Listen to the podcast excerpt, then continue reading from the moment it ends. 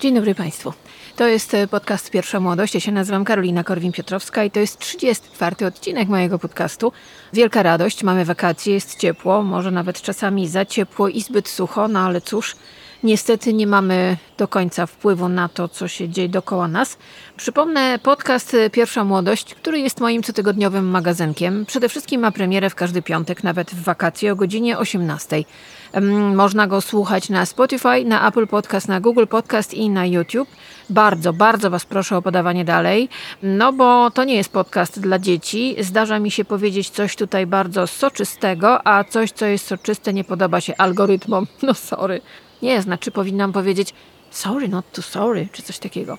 Przypomnę, że podcast ten może powstawać dzięki Patronite, dzięki moim wspaniałym patronom z Patronite'a, którzy od progu 25 mają co tydzień od godziny 18 w swoich skrzynkach newsletter, który zawiera wszystko to, co było w podcaście, plus jeszcze masę ekstrasów. Oprócz tego patroni dostają na przykład kody rabatowe na różne rzeczy, więc warto się tutaj mocno rozejrzeć. Jak mi ktoś napisał bardzo fajnie tydzień temu, Pani Karolino, ja sobie po prostu ściągnąłem wszystkie te newslettery i ja już teraz wiem, co mam robić w wakacje, co mam słuchać, czego mam oglądać. Bardzo lubię takie wiadomości i w ogóle lubię feedback od Was. Lubię, kiedy piszecie mi o tym, e, jakieś, jeżeli macie jakieś inspiracje, jakieś pomysły, chcecie coś ocenić, ale bez hamówy oczywiście, to bardzo lubię to czytać, bo tego typu feedback jest dla mnie bardzo ważny. No dobrze, proszę Państwa, wiecie o czym dzisiaj będzie? Dzisiaj będzie o tym, czy będzie o polskich rzeczach sporo i będzie między innymi o mojej książce życia. To jest taka zabawna sytuacja, naprawdę bardzo zabawna, bo na przykład przychodzi do ciebie dziennikarka albo dziennikarz, pisze, pani Karolina, my robimy taki na przykład, wie pani, takie tutaj mamy, takie, tu, to taki, robimy listę książek, które zainspirowały ciekawych ludzi. Albo najważniejszych książek życia, taką top ten, prawda? No i wiadomo, wszyscy piszą Biblia. Znaczy kiedyś pisali Biblia, bo teraz to już nie wiem, co piszą. Ale na przykład e, w poszukiwaniu straconego czasu Marcela Prusta. No ostatnio to Karczuk bardzo wysoko, prawda? Same takie wspaniałe, niesamowite. Ulises obowiązkowo. Nikt nie przeczytał, a każdy wie o co chodzi, ale o, musi być. Wy też pewnie wielokrotnie w życiu robiliście sobie taką listę najważniejszych książek waszego życia. I całkiem niedawno jedna dziennikarka też do mnie znowu napisała, że robią właśnie coś takiego, żeby podać najważniejszą swoją książkę, którą się przeczytało w życiu i ja, ja nie kłamię. Znaczy, ja mogłabym oczywiście podać jakiś bardzo wyrafinowany tytuł, wyrafinowaną książkę, może noblisty, może noblistki, pewnie jakieś wiersze, których nikt nie rozumie, albo jakaś powieść, która się nigdy nie kończy, albo jakieś dzieło naukowe i byłabym wtedy wybitną intelektualistką, która czyta do snu tylko bardzo ważne i bardzo potrzebne książki. Otóż dla mnie najważniejszą i najpotrzebniejszą, najpotrzebniejszą książką w życiu, którą mam w mieszkaniu chyba w sześciu albo w siedmiu egzemplarzach, która ratuje mnie w absolutnych czeluściach, ciemnościach, w które czasem wpadam, jest książka pod tytułem Lesio Joanny Chmielewskiej. Proszę Państwa, to jest książka mojego życia. Nie pamiętam, kiedy przeczytałam ją po raz pierwszy. Byłam chyba, ja wiem, jakieś miałam 10-11 lat. Mm, moja mama przy niej wyła najpierw, bo moja mama bardzo dużo czytała książek i w ogóle czytała całą Chmielewską. Takie kryminały jak Krokodyl z kraju Karoliny, czy Wszystko Czerwone, albo Wszyscy jesteśmy podejrzani, u nas były cały czas. Wyrywało się je, kupowało się u bukinistów w takich dawnych antykwariatach, które polegały na tym, że sprytni panowie skupywali książki od innych i sprzedawali je z dobrą marżą na różnych bazarach i można było tam też książki zamówić i wiem, że moja mama tam zamawiała różne książki, tak między innymi trafiła do nas książka jak Klaudiusz, jak dziś to pamiętam, amerykańscy chłopcy, chłopcy i ta cała słynna piwowska seria Kiku. Kikowska, klub interesującej książki, ale też właśnie Lesio Joanny Chmielewskiej. I ja pamiętam ten moment, naprawdę przysięgam, kiedy wzięłam do ręki tę książkę i przeczytałam pierwszą stronę. I pomyślałam sobie, to jest praktycznie o mnie, tylko Lesio powinien być rodzaju żeńskiego i proszę bardzo. Uwaga, ja wam to przeczytam. Tak się zaczyna najważniejsza książka, jaką przeczytałam w życiu. Na mojej ścianie wisi wielka, melancholijna morda, namalowana własnoręcznie przez Lesia na miękkiej płycie pilśniowej. Niektórzy uważają, że jest to autoportret, przy czym sam Lesio na zmianę to potwierdza, bo owo mniemanie to mu zaprzecza. Lesio bowiem istnieje. Istnieje wyraźnie, realnie, zdecydowanie, a niekiedy nawet z hukiem przecież o mnie.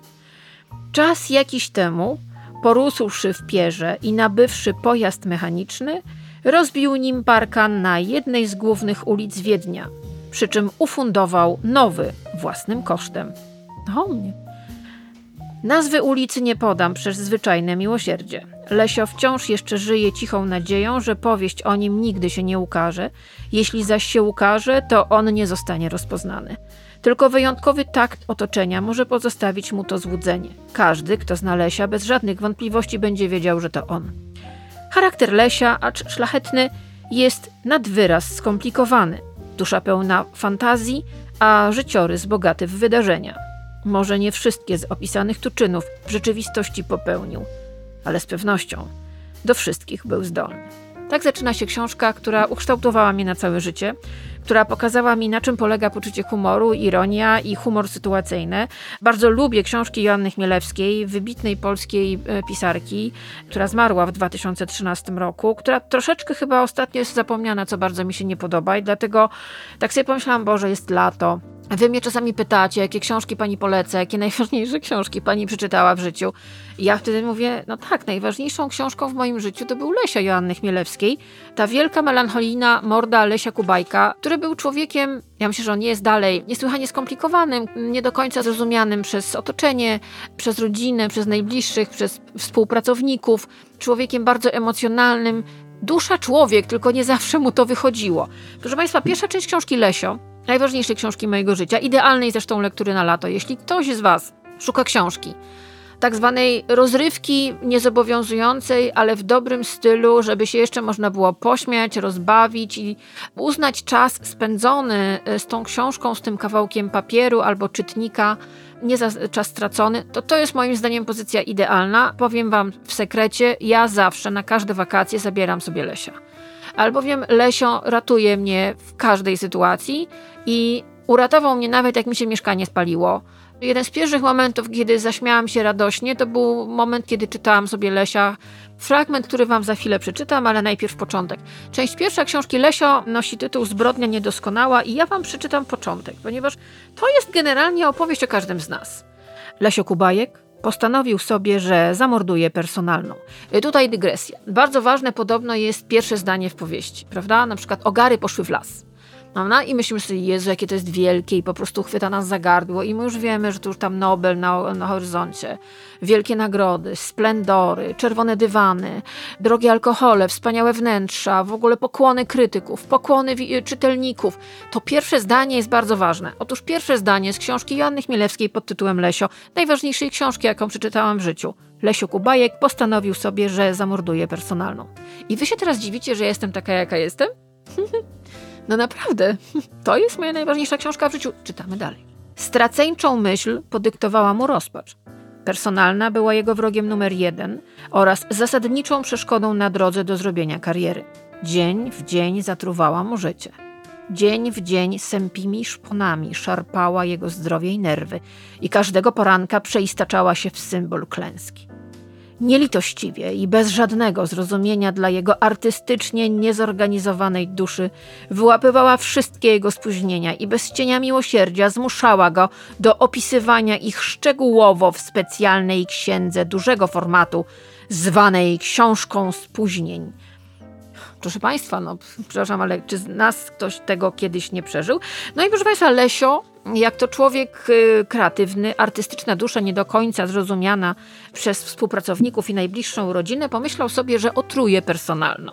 To jest bardzo prosta sprawa. Znaczy, no generalnie dzisiaj można mm, zjeść cokolwiek ze sklepu, też można się zatruć. No ale to nie chodziło nie takie otrucie, którego efektem będzie to, że de delikwent, y, obiekt otrucia wyląduje w kibelku i na przykład tak jak opowiadałam wam w poprzednim podcaście, dozna olśnienia pod wpływem defekacji. Nie, nie, tutaj nie będzie czegoś takiego. On sobie nic nie będzie afirmował, nic nie będzie wizualizował. Nie, nie, nie, tu będzie inna sytuacja. On po prostu chciał ją zabić. No po prostu miał dosyć baby i stwierdził, pff, czas się pożegnać. No i proszę Państwa, uznał, że kupi lody. I tutaj jest fragment. Usiadł przy stole, zapalił papierosa i zaczął myśleć. W głowie układał mu się stopniowo znakomity morderczy plan.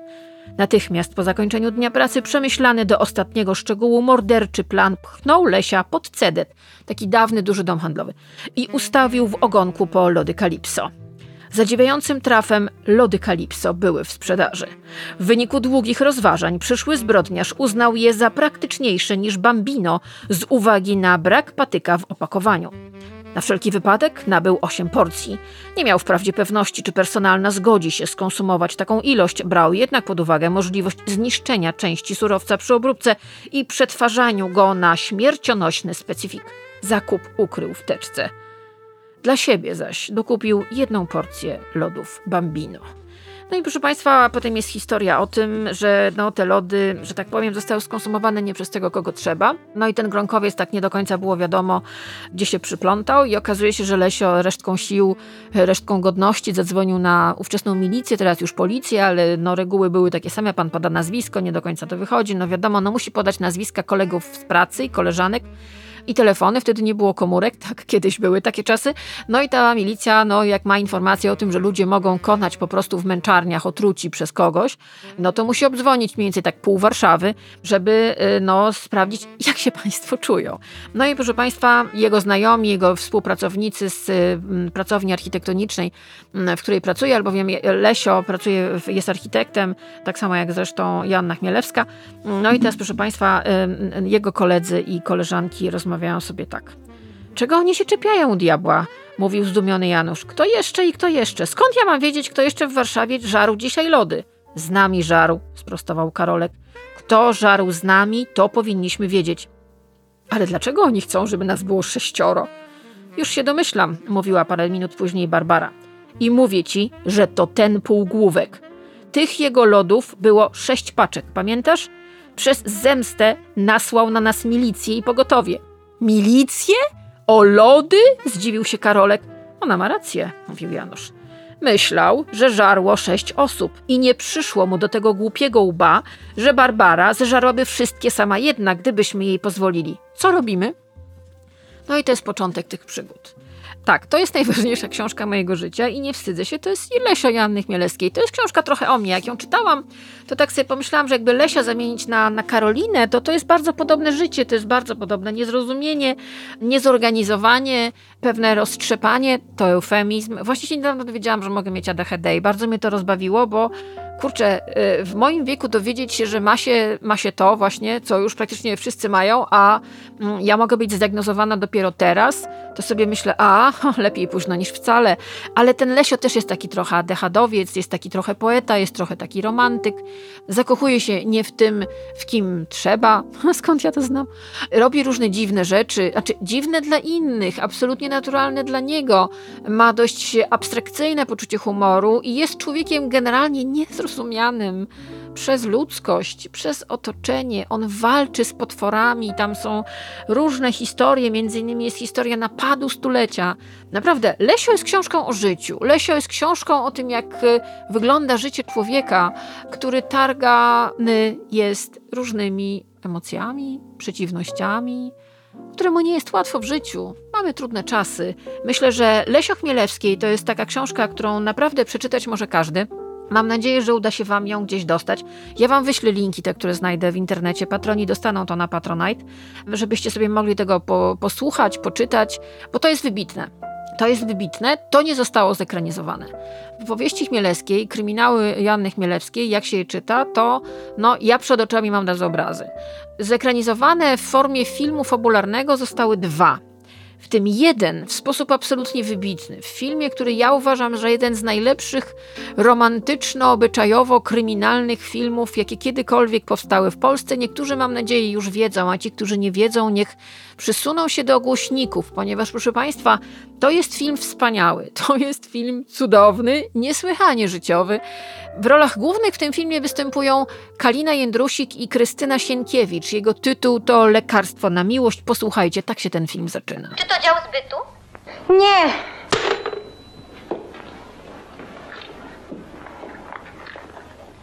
Nie ma się co dłużej oszukiwać. Jeżeli do tej pory nie zadzwonił, to już nie zadzwoni. Gdyby mu chociaż odrobinę na mnie zależało, to by się odezwał zaraz po przyjeździe. Albo następnego dnia. Ale nie trzy dni. Trzy koszmarne dni. Słucham? Joanna? Tak. To ja, zgadnij kogo przed chwilą widziałam. Nie wygłupia się mów. Janusza jest w Warszawie. Wiem, mieszkam w Grand Hotelu, pokój 336. Dzwonił? Jeszcze nie. Tak? O, mój numerek świeci, potem zadzwonię, cześć. Film miał premierę w lipcu 1966 roku, wyreżyserował go Jan Batory. Scenariusz powstał na podstawie Joanny Chmielewskiej pod tytułem Klin. Kręcony był m.in. na osiedlu Plac Teatralny w Warszawie, w barze kawowym przy ulicy Kruczej, na kamiennych schodkach przy ulicy Nowy Świat, no i w ogrodzie Saskim. Tam była ta słynna scena z psem. Jeżeli ktoś widział, to będzie wiedział. I to jest opowieść bardzo prosta. Mamy główną bohaterkę, Nazywa się Joanna, w tej roli Kalina Jędrusik. No i ona pracuje w pracowni architektonicznej, zresztą no, jak, jak sama Joanna Chmielewska. Wikła się w różne dziwne relacje damsko-męskie. Nie wychodzi jej jakoś za bardzo i ostatni, że tak powiem, apsztyfikant, no to jest taki apsztyfikant, który zmusza ją do tego, że ona się prawie musi przykleić do telefonu. Tak, kiedyś nie było komórek. Telefon stacjonarny. Zresztą możecie to go dokładnie zobaczyć, jeżeli nie wiecie nawet jak wygląda, to tak wygląda w tym filmie. I ona siedzi przy tym telefonie, że tak powiem, waruje. Pilnuje telefonu, bo on może po prostu zadzwonić. On jest takim trochę latawcem. Ona tak trochę się domyśla, że on ma ją już dawno gdzieś i że tak naprawdę to ona waruje, a on tylko po prostu chce się od niej opędzić. No sytuacja robi się trochę skomplikowana, ale w pewnym momencie, wiecie, kiedyś były takie sytuacje, że były pomyłki telefoniczne. Działo się to notorycznie. Dlaczego? Nie wiem, nie wnikam, nie znam się, ale niektóre pomyłki były zabawne, a inne były mocno brzemienne w skutkach. Tak jak na przykład te, które się właśnie zaczęły przytrafiać Joannie, bowiem zaczęto do niej dzwonić, taki pan, takim, takim głosem, centrala. No i okazało się, że ta centrala to jest grubsza sprawa, kryminalna. No i przy okazji też pojawia się jakby w uniwersum, takie nowoczesne słowo, Joanny pewien, no, szef. E, Szef, gra go Andrzej Łapicki, w szczycie swojej urody. On jest po prostu taki, że można go w tym filmie łyżkami jeść. Brad Pitt? Kto? Hmm? Jest po prostu obłędny. No i ma ten głos, wiadomo, wszystko się zgadza. Najpierw ją podrywa telefonicznie. Jest bardzo zabawna scena, kiedy ona prosi koleżankę, żeby ona zadzwoniła, udając kogoś innego do hotelu, gdzie jej facet prawdopodobnie siedzi za jakąś dupą i wtedy włącza się mm, szef, czyli właśnie Andrzej Łapicki i mówi, ja to dla pani zrobię, zadzwonię w ogóle tam. No i zrobi to, dzwoni i mówi, weź kobito, weź po prostu przestań, wy, wybij sobie z głowy tego gnoja. No historia się rozwija. Jest jeszcze koleżanka, grają Krystyna Sienkiewicz, jest po prostu cudowna. Obie w pewnym momencie próbują jakoś jakby zorientować się, o co chodzi z tym szefem, tak? Jakby o co chodzi z dziwnymi telefonami, o co chodzi mm, z tym, że nagle właśnie pojawia się ów piękny szef, no i żeby sprawdzić, gdzie on tak dokładnie pracuje, kim on w ogóle jest, co to za koleś. No i nagle sobie Joanna, grana przez Kalinę Jędrusik, przypomniała, że tam też był pies. Posłuchajcie, te takie momenty przerwania, które tam się dzieją, to jest y, moment, kiedy trzeba trzymać szafę. Posłuchajcie. Mam plan działania. Ja też. Możemy bardzo łatwo odnaleźć Melinę Szejki. Wystarczy tylko z planu miasta wypisać wszystkie ulice, z których się idzie 8 minut do kina Stolica. A potem w książce telefonicznej znaleźć numery telefonów na tych ulicach, dzwonić i mówić centrala. Coś tam jeszcze tym ich szyfrem. Jak ci odpowiedzą, to to będzie Melina. Tak, tylko że przedtem będę musiała odbyć tysiąc głupich rozmów telefonicznych. No to co, przecież możemy się podzielić. Nie, lepiej już śledzić jego. No ale jak? Wiesz, gdzie mieszka, co robi? Co ty w ogóle o nim wiesz? Bardzo dużo. Po pierwsze wiem, jak wygląda. No ale ja nie wiem. No ci opowiem. A po drugie pies. Pies? Jego. Czarny nowofundantczyk. Jak wygląda? On? Nie, pies. Nie wiem. No to jak ja mam go znaleźć? Człowieka nie znam, psa nie znam. Słuchaj, ty masz encyklopedię. Nie, psy są w tej. Chodź, trzymaj szafę.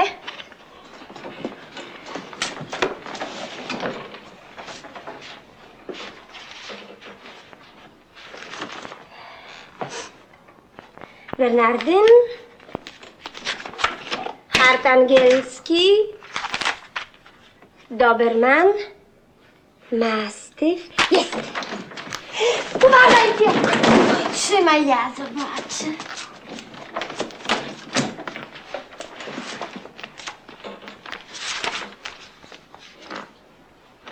Dok angielski, dok niemiecki.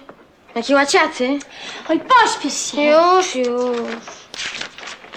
Pekińczyk, pudelek. Jaki śliczny, jak zabawka. Mua, mua. Zobacz. Gdzie ty szukasz? Na N, idiotko! Mam!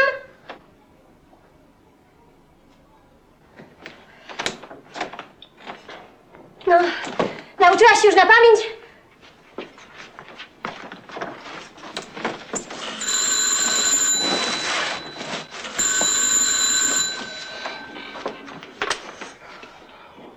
Słucham, Czy mógłbym mówić z panią Janką?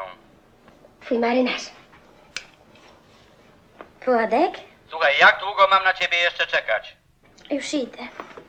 Muszę wyjść. Weź plan miasta i wypisz wszystkie ulice. Dobra. Tak jak już Wam powiedziałam, fabuła tego filmu oparta jest o książkę Klini Anny Chmielewskiej i to jest bardzo dobrze zrealizowana adaptacja tej debiutanckiej powieści Królowej Kryminału, bo tak zaczęto nazywać Chmielewską. Mamy fajny bardzo wątek obyczajowy, bardzo fajny wątek kryminalny i obyczajowy. Dla mnie jeszcze bardzo fajne jest to, że tam oglądamy Warszawę lat 60. Miasto, którego już tak naprawdę nie ma.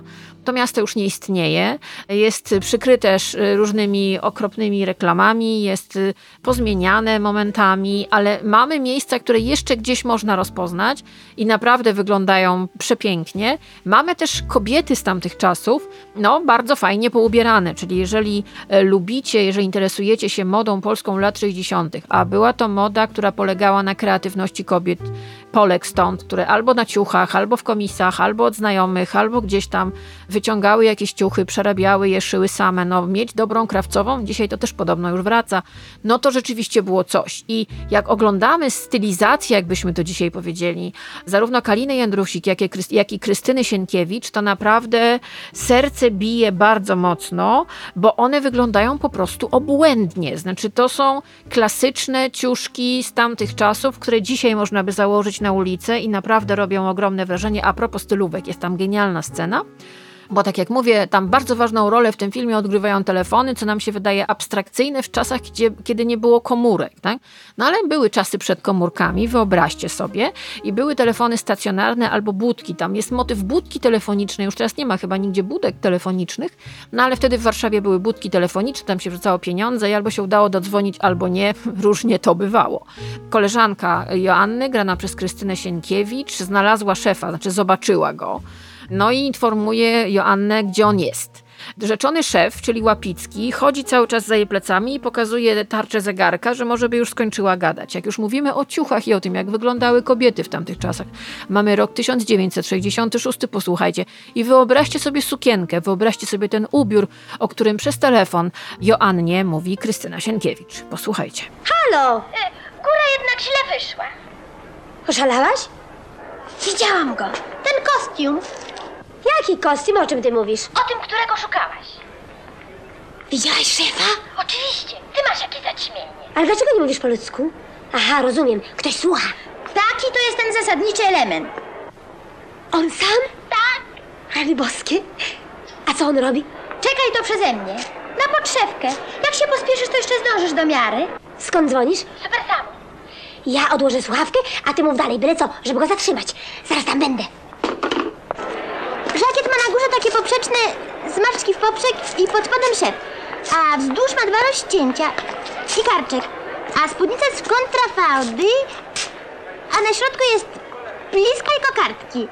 A po bokach jest taka drobna falbanka. A z boku jest zaprasowane. I, i, I ona mi zrobiła ten, no, mm, no jak to... Aha, guziki, wiesz? Mnóstwo guzików. Wszędzie guziki. I to wyobraź sobie, każdy inny... Wspaniały film. Miał premierę 20 lipca 1966 roku w, w magazynie Ekran filmowym, magazynie, tak, kiedyś były w magazyny filmowe. Mm, Janusz Gazda pisał tak. To sympatyczna i bezpretensjonalna komedia, której atutem są Kalina Jędrusik, która z dużym wdziękiem poszukuje lekarstwa na miłość i Krystyna Sienkiewicz, łącząca osobisty wdzięk z nieprzeciętnym talentem komediowym. Talent komediowy Sienkiewicz jest ogromny, był, był zawsze. No i Kalina Jędrusik, która nie tylko tam jest y, przepiękna i moim zdaniem bardzo fajny jest ten jej duet Andrzejem Łapickim, ale to jest też film kultowy także z tego powodu, no, że tam jest słynna scena w wannie, która to scena polega na tym, że Kalina Jędrusik siedzi w pianie, bez ubrania i gada do gąbki, udając rozmowę telefoniczną z tym fagasem, co to tak nie chce do niej zadzwonić, trochę jej unika, ona biedna siedzi i waruje przy telefonie. I w pewnym momencie ona z tej wanny wstaje. Oczywiście piana zakrywa to, co ma zakryć, co nie zmienia jednak faktu, że, proszę Państwa, no tłumy waliły także na, do kina po to, y, żeby zobaczyć boską Kalinę, dla niektórych y, pierwszą gorszycielkę PRL-u, przez niektórych kochaną, przez niektórych nienawidzoną, na pewno wielką osobowość polskiego kina, teatru i estrady, e, w pełnej, że tak powiem, okazałości, na taką okazałość można sobie, sobie było pozwolić w latach 60. w Polsce. Patrząc na dzisiejszy Instagram i na wywalone poślady, myślę sobie, że chyba jednak tamte czasy były fajniejsze. No i jak już mamy jeden film na podstawie prozy Chmielewskiej, to teraz czas na drugi, proszę Państwa. Ten drugi film to Skradziona kolekcja. Film, który miał swoją premierę w 1979 roku, czyli wiele lat musiało upłynąć między pierwszą a drugą ekranizacją powieści Chmielewskiej. On powstał na podstawie kryminału pod tytułem Upiorny legat. No i proszę Państwa, posłuchajcie, to jest początek. To jest Joanna, notabene bohaterka tego filmu nazywa się Joanna Chmielewska, w tej roli występuje Izabela Dziarska, która ma znajomego, który musi iść do szpitala, on jest filatelistą, no i ma znaczki. Tam jest taki jeden klaserek, z pozoru bardzo niepozorny, zresztą sami posłuchajcie. Więc znaczki te mają wartość pół miliona dolarów. Ile? Pół miliona dolarów.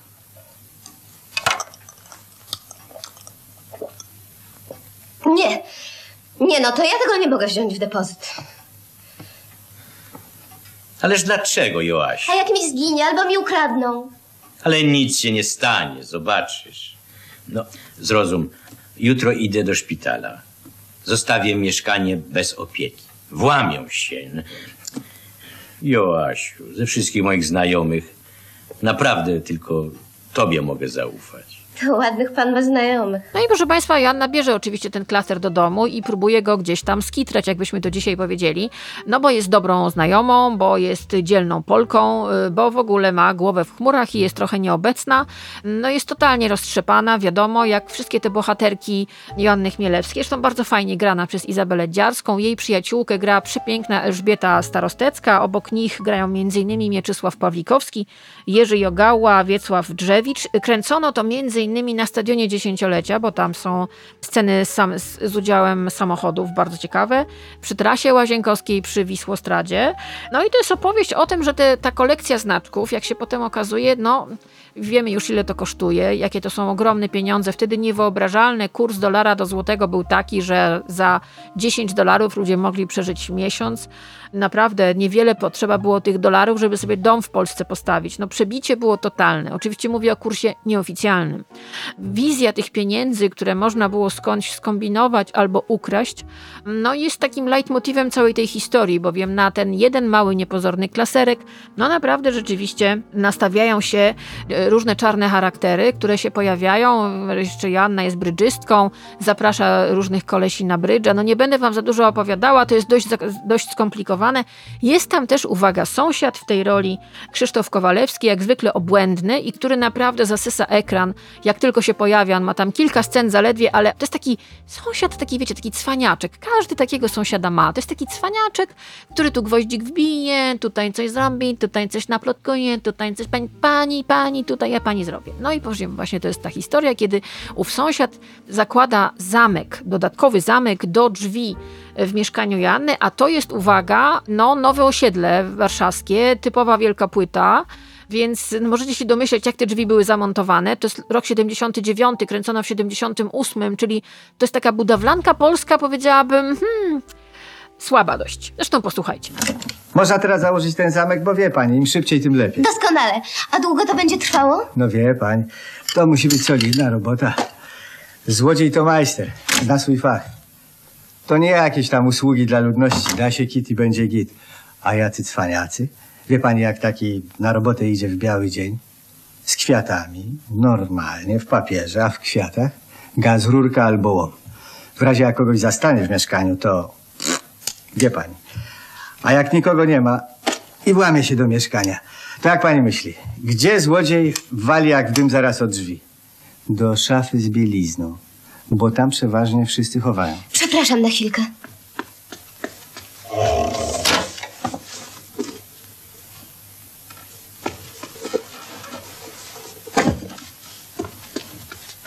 A gdzie jeszcze złodzieje szukają? Następne miejsce, gdzie każdy frajer chowa swoje skarby, to tapczan.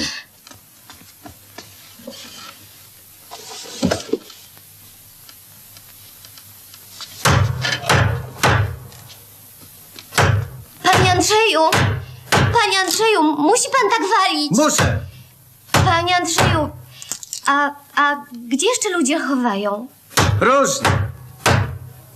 Jedni w wazonach, inni w fotelach od spodu albo na szafie.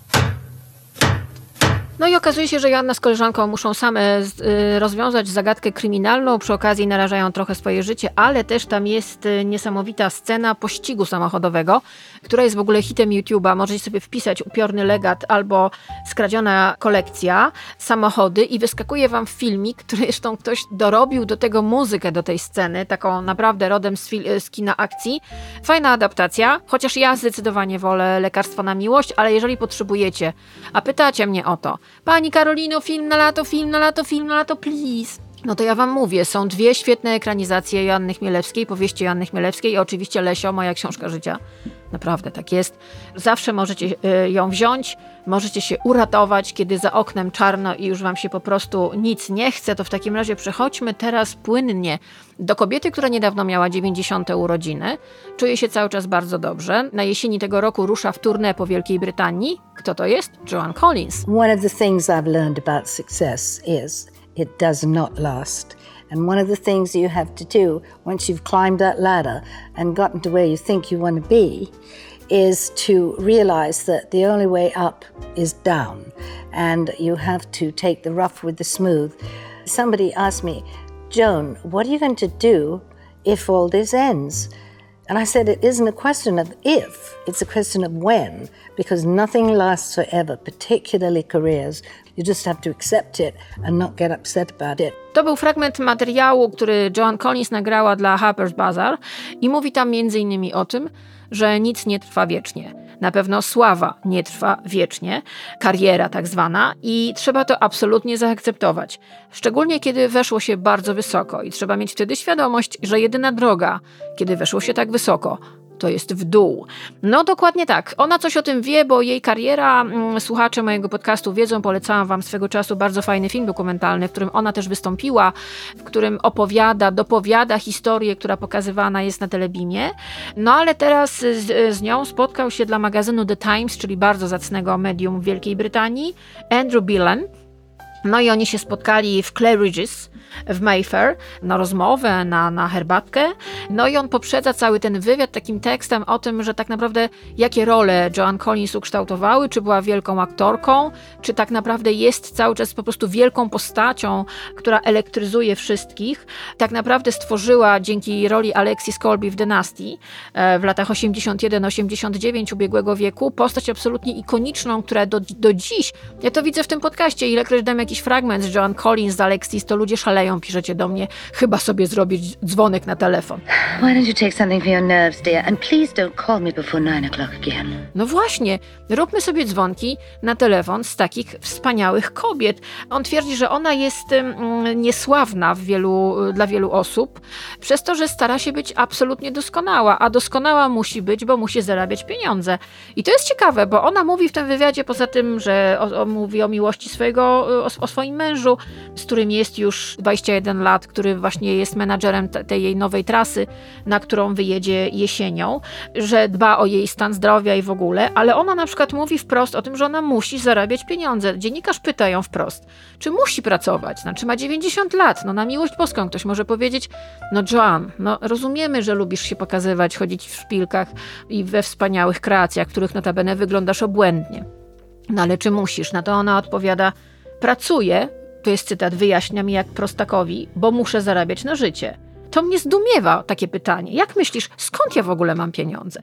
I to jest bardzo ciekawa e, rzecz, ponieważ dziennikarz mówi tak, okej, ona zarabia, ona ma dość wysoki standard życia i przypomina anegdotę z czasów, kiedy miała się pojawić w Stanach Zjednoczonych, już to było kilka lat po dynastii, w filmie Arona Spellinga pod tytułem Pacific Palisades i jej kontrakt pozwalał lecieć do domu, do Londynu na koszt firmy. Mm, No ale okazuje się, że na lotnisku powiedziano jej za jakimś tam trzecim czy czwartym razem, bo latała kilka razy, że już nie, nie obejmuje ten bilet, biletu powrotnego. No, że się nie da. No i wtedy ona po prostu lekko zdumiona wywalczyła to sobie, ale y, to jest kolejna historia o tym, że nie dziwmy się, że ona dba o to, żeby mieć pieniądze, bo ona sobie te pieniądze sama musi zarobić, bo jak ona ich nie ma, to potem się może okazać, że i tak musi je wydać, że musi je skądś zdobyć, bo sama się utrzymuje. Jak mówiłam wam o tym dokumencie o niej, który wam polecałam jakiś czas temu, to tam też przebija to, że ona tak naprawdę całe życie nie miała szczęścia do tego, żeby mieć poczucie bezpieczeństwa finansowe, wbrew pozorom. Dzieci, rodzina, siostra, różne historie prywatne, mężowie, którzy delikatnie mówiąc zachowywali się niefajnie wobec niej, ograbiając ją po rozwodach z, z pieniędzy, które zarobiła, no to nie wygląda nie wygląda ciekawie. I ona o tym mówi też w tym wywiadzie, który jest y, bardzo fajny. Ona tam się przyznaje między innymi do tego, że w swojej autobiografii parę rzeczy wymyśliła. Powiedziała wprost, było to coś, co zrobiłam, aby wypełnić książkę. Autentycznie.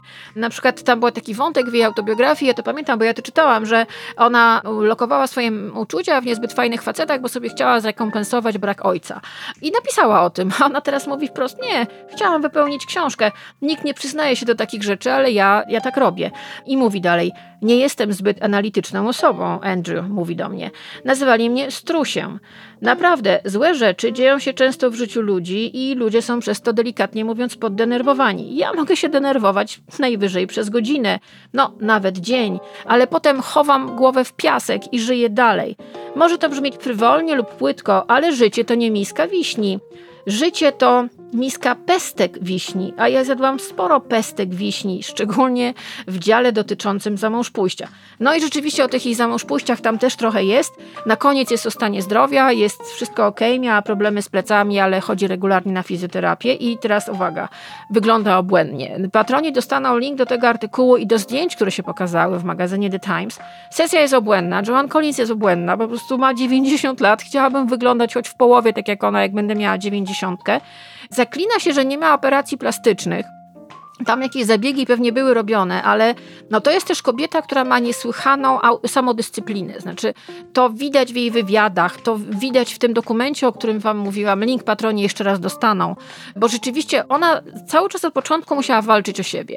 I myślę, że jak tacy ludzie, tacy ludzie z wiekiem po prostu też starzeją się inaczej. Czas dotyka ich w zupełnie inny sposób, bo oni mają w sobie tą samodyscyplinę, pewną samokontrolę i na przykład nie usiądą na, nie usiądą na kanapie i nie będą tyć. Wiecie o czym ja mówię? Nie usiądą z pilotem w ręku i nie będą jedli tylko chipsów, tylko się ruszą, zrobią, nie będą chcieli zardzewieć. Ona ma jeszcze ten motyw, o którym mówi wprost. Ja muszę zarabiać pieniądze, ja nie chcę zardzewieć, ja muszę być w formie. No i słuchajcie, ona jesienią, dokładnie w październiku w Newcastle, 1 października w Newcastle zacznie się jej trasa takiego one woman show, z tego co się zorientowałam. Producentem jest jej mąż i ona mówi wprost, uwielbiam grać i naprawdę nie mogę doczekać się trasy koncertowej, ponieważ pewnym sensie to też jest aktorstwo. Przybieram najlepszą postać, żebyście pisali o mnie miłe rzeczy. Kto jak kto, ale John Collins też dokładnie wie, jak sterować prasą. A wiecie, moi drodzy, a propos tego, a propos gwiazd, że jest taki fantastyczny, super trzyodcinkowy serial, który nazywa się Nolly. Good evening. I'm Noel Gordon. Crossroads Motel. Can I help you? Did they say you can't sit in my chair? Yeah. Don't. Miss Norgorton! All good things must come to an end. They have plans for the future of the show. Without you, you're out. If she goes, we all go. To jest tak pyszne. Boże, jakie to jest pyszne. Ja to połknęłam, słuchajcie, w jeden wieczór. To są trzy odcinki. Nie mogłam się kompletnie oderwać i tak sobie od razu pomyślałam tak, że nie tylko aktorzy i aktorki, którzy grają i którzy są tak naprawdę narzędziami w rękach reżyserów, producentów, algorytmów już dzisiaj, sztucznej inteligencji, jak zwał, tak zwał, powinni to obejrzeć. Ale w ogóle wszyscy, bo to jest tak naprawdę opowieść o tym, czym dla nas są ludzie telewizji, aktorzy grający w serialach, czym dla nich jest ta praca i jak bardzo łatwo jest kogoś, hmm, jakiego słowa tutaj użyć, wyrzucić za okno, próbować udupić. W roli głównej w serialu Noli występuje obłędna. Ja myślę, że ona ma wiele nominacji do bardzo prestiżowych nagród za tę rolę. Występuje Helena Bonham Carter i ona występuje w roli Noel Gordon, która żyła w latach 1919-1985. Dla przyjaciół właśnie miała ksywę Nolly. I ona e, grała w najsłynniejszej z najsłynniejszych oper mydlanych w Wielkiej Brytanii pod tytułem Crossroads. Noel Gordon w serialu Crossroads grała Meg Mortimer, która była właścicielką tego motelu na rozdrożu w miejscowości Midlands. No i te serialowe życie było bardzo sobie takie, powiedziałabym, zróżnicowane. Ja sobie poczytałam o tym serialu, bo ja go w ogóle nie widziałam i nawet na, no też nie wiedziałam, kim jest, kim była Noel Gordon. Tam było wszystko. To jest taka dynastia pomieszana z ranchem, pomieszana z jak miłość i jeszcze do tego ojciec Mateusz. No naprawdę tam po prostu było wszystko. Ale to była codzienna opera mydlana, która no, była bardzo oglądana w Wielkiej Brytanii, która też wiązała ludzi grających w tym no, na całe życie tak naprawdę, zabierając im możliwości rozwoju gdzieś dalej. I to jest taka opowieść, bo ona zaczyna się w momencie, kiedy my się dowiadujemy o tym, że Noel Gordon będzie wyrzucona z tego serialu po wielu latach pracy. Ten serial tak naprawdę ją ukształtował, ona ten serial ciągnęła, że tak powiem, na swoich barkach, oddając mu cały swój talent, czas i wszystko. No, nie miała za bardzo czasu i możliwości grając w takiej telenoweli rozwijać się gdziekolwiek indziej. Tam jest taki motyw, bardzo fajna scena, kiedy ona ze swoim przyjacielem siedzi za kulisami w garderobie po jego występie teatralnym i ona mu mówi jestem średnią aktorką, gram w średniej telenoweli, co ja mogę teraz zrobić? Ma 64 lata. No i to jest bardzo trudny moment. Znaczy, okazuje się, że ona zostaje po prostu wysłana statkiem gdzieś tam daleko. E, no i jako aktorka, jako kobieta, musi zacząć wszystko od nowa. A to nie jest takie proste, no bo słuchajcie, w 81 roku się to dzieje. To jest y, też bardzo ciekawy taki moment, żeby zobaczyć sobie, oczywiście to jest scenograficznie podciągnięte, ale ludzi z tamtych lat, Londyn z tamtych lat, mm, show business z tamtych lat, jak to wyglądało, w ogóle jak wyglądali ludzie. Brytyjczycy zawsze genialnie robią to od strony wizualnej, scenograficznej, kostiumograficznej. Ten serial Noli od tej strony też jest fantastyczny. No i to jest taka opowieść o kobiecie, która która w pewnym momencie musi naprawdę wszystko zacząć od nowa. Tylko pytanie, ona nie ma już 18 lat. Ona ma świadomość ogromną swoich braków, swoich niedociągnięć, a tu się nagle okazuje, że ona też tak jak John Collins, o której mówiłam wam przed chwilą, ma rachunki do płacenia. Where did they come from? Shall I ask them to go? I don't know. Have we got security? Do we need them? What's going on? Ask her. What is it? What are they there for? What's wrong? Molly, what exactly is happening?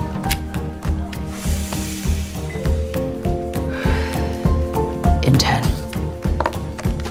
Now, remember, you've resigned. This is fine. This was always your plan. You've handed in your resignation because you wanted to. The decision to resign is yours and yours alone. Brytyjczycy kochali Noel Gordon i ona była absolutną, totalną gwiazdą. Rzeczywiście tam są takie sceny, które pokazują w retrospekcjach, że rzeczywiście to była, no to była taka kożuchowska trochę. Znaczy, że jak wyszła na ulicę, to ludzie za nią lecieli, jeszcze to były te czasy przed internetem. Tam jest taka super scena, gdzie ona jedzie normalnym autobusem i dookoła niej są normalni jej potencjalni widzowie, którzy oglądają ją codziennie. To już się zaczyna era VHS-ów i oni mówią, że nagrywają niektóre odcinki i opowiadają o tym, jak to jest dla nich ważne i ona wtedy no, czuje i to jest taki moment, kiedy ona wie, że już jest koniec, że to jest dzień, kiedy będzie wypuszczony odcinek, w którym ona żegna się z serialem. A ci ludzie po prostu są dla niej jak taka rodzina, której ona też nie ma, bo tam też jest jeden bardzo ciekawy wątek, który wyprzedza swoje czasy. Ona oficjalnie nie ma rodziny, nie ma męża, nie ma dzieci, w związku z tym uwaga, uwaga, za kulisami mówią o niej, że jest lesbijką. I tam jest taki moment, kiedy ona jest w teatrze i przygotowuje sztukę teatralną po tym, jak już ją wyrzucono z tego serialu i ona sobie nawet dowcipy robi, że każdy, kto do niej podchodzi w restauracji, w sklepie na ulicy, zawsze musi zadać to pytanie, ona liczy one, two, three i jest to pytanie, dlaczego panią wyrzucili z tego serialu? I ona e, e, jest podczas próby w teatrze, mówi o tym, znaczy co się tak naprawdę stało, ujawnia taki młodym dziewczynom, adeptkom e, sztuki aktorskiej, teatralnej, którym się wydaje, że wszystkie rozumy zjadły, a tutaj sobie siedzi fenomenalna Helena Bonham Carter, która zrobiła po prostu życiówkę tą rolą siada i bez, bez taniego dydaktyzmu, tylko mam takie wrażenie, że rzeczywiście w tej postaci coś się przełamało i ona na chwilę przed premierą po prostu mówi im, jak to było, że była związana z mężczyzną, którym tak naprawdę jeszcze miał żonę i jeszcze miał jeszcze jedną kochankę i że poświęciła mu bardzo wiele lat swojego życia, no i że po prostu się tak ułożyło i że no nie będzie teraz zmieniała wszystkiego, że rozumie trochę, że one o niej plotkują y, bardzo dużo, ale to y, nie, nie, nie powinno być tak, że tylko tylko mąż, dziecko czy duża rodzina definiuje kobietę. To jest bardzo mądra scena, to jest bardzo piękna scena i można ją sobie dzisiaj puszczać po prostu jako dżingiel, bo ona jest absolutnie uniwersalna. E, Lata 80. Wielka Brytania, wydaje się nam, że wszyscy są bardzo tolerancyjni. Okazuje się, ta scena mówi nic bardziej mylnego i mamy e, Helenę Bonham Carter, która jako serialowa Noli siada na scenie i tłumaczy tym dziewczynom, ale w bardzo fajny sposób, zyskując ich sympatię, co tak naprawdę jest ważne w życiu. To jest bardzo, bardzo mądra scena i to jest w ogóle super serial, naprawdę. Ja go połknęłam.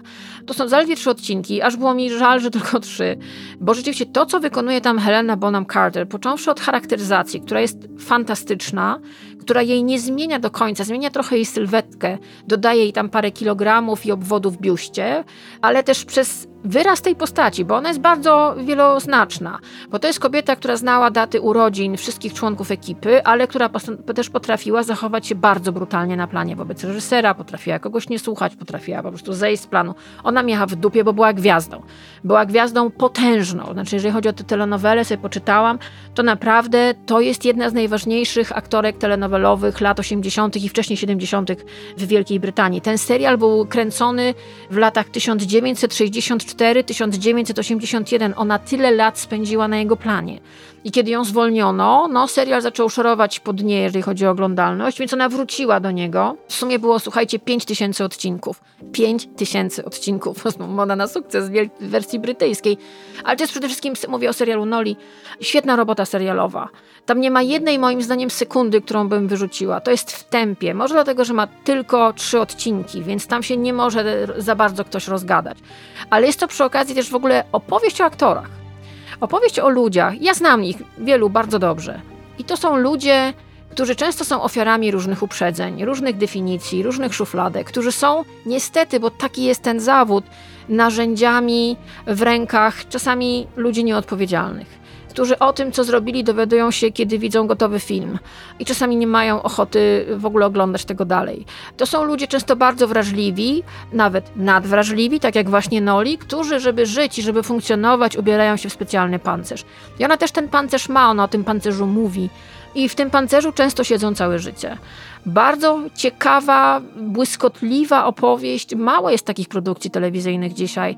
Ewidentnie, notabene to jest w ogóle uśmiech historii, iro- ironia losu, że ten serial zrealizowała ta sama stacja, która wyrzuciła serialową Noli, Noli Gordon z serialu ITV. No ale teraz zrobili serial Ku jej czci, gdzie Helena Bonham Carter wykonuje, no, absolutnie fantastyczna, cudowna życiówka. Don't kill me. This is Meg we're talking about. Is it? Why did they get rid of you, Nolly? Why did Crossroads sack you? Those men brought me down. They'd singled me out. Do you think I'd let them stop me? I've got plans. It's you, isn't it? Yes, I'm ready to. No chance, Nolly. Bright things ahead, darling. Brightness and joy. You're going to be a bigger star than ever. Oh, Nolly, you're alive. I do it? Watch me. New series Nolly. Watch on demand. No i proszę Państwa, to wszystko dzisiaj w podcaście Pierwsza Młodość. Moim wydawcą był Mateusz Nowosad. Przypomnę, premiera Pierwszej Młodości podcastu, który powstaje dzięki moim patronom z Patronite'a, jest w każdy piątek o godzinie 18 na Spotify, na Apple Podcast i na Google Podcast oraz na moim kanale na YouTube. Bardzo Was proszę o podawanie dalej. Czekam na Wasz feedback. Czekam na to, jak się Wam podoba, jakie macie sugestie, jakie macie inspiracje, bo tego sporo przychodzi i niektóre rzeczy są naprawdę super i niektórymi się rzeczywiście inspiruje. Mamy trudne czasy dokoła. Kampania wyborcza w toku. Nie odnoszę się do tego w żaden sposób. Nie będę Wam tutaj psuła nastrojów. Pamiętajmy jednak o tym, żeby pytać polityków o to, co mają zrobić z katastrofą klimatyczną, co mają zrobić z tym, że czeka nas brak wody, za duże temperatury, ogromne zmiany klimatu, które będą miały wpływ na wszystko, literalnie wszystko, co nas otacza i na następne pokolenia. Jeżeli kochacie swoje dzieci, to nie kupujcie im nowego głupiego modelu telefonu, tylko zapytajcie polityków na spotkaniu wyborczym, co mają zamiar zrobić z przyszłością Ziemi. I myślę, że to jest najważniejsze pytanie, które trzeba dzisiaj zadać. Trochę się zrobiło publicystycznie na koniec, ale czasami niestety włączam telewizję i widzę, co się dzieje, i mi ręce i nogi opadają do ziemi. Nie wiem, co mam robić. Mam zamiar zadawać politykom to właśnie pytanie: co macie zamiar zrobić z katastrofą klimatyczną? Jeżeli wam jest bardzo ciężko, to Chmielewska jest lekarstwem na całe zło i jest lekarstwem na miłość, tą dobrą i tą niedobrą. Mam nadzieję, że wam się podobało. Słyszymy się za tydzień, a na koniec podcastu Pierwsza Młodość Burza z piorunami. Do usłyszenia.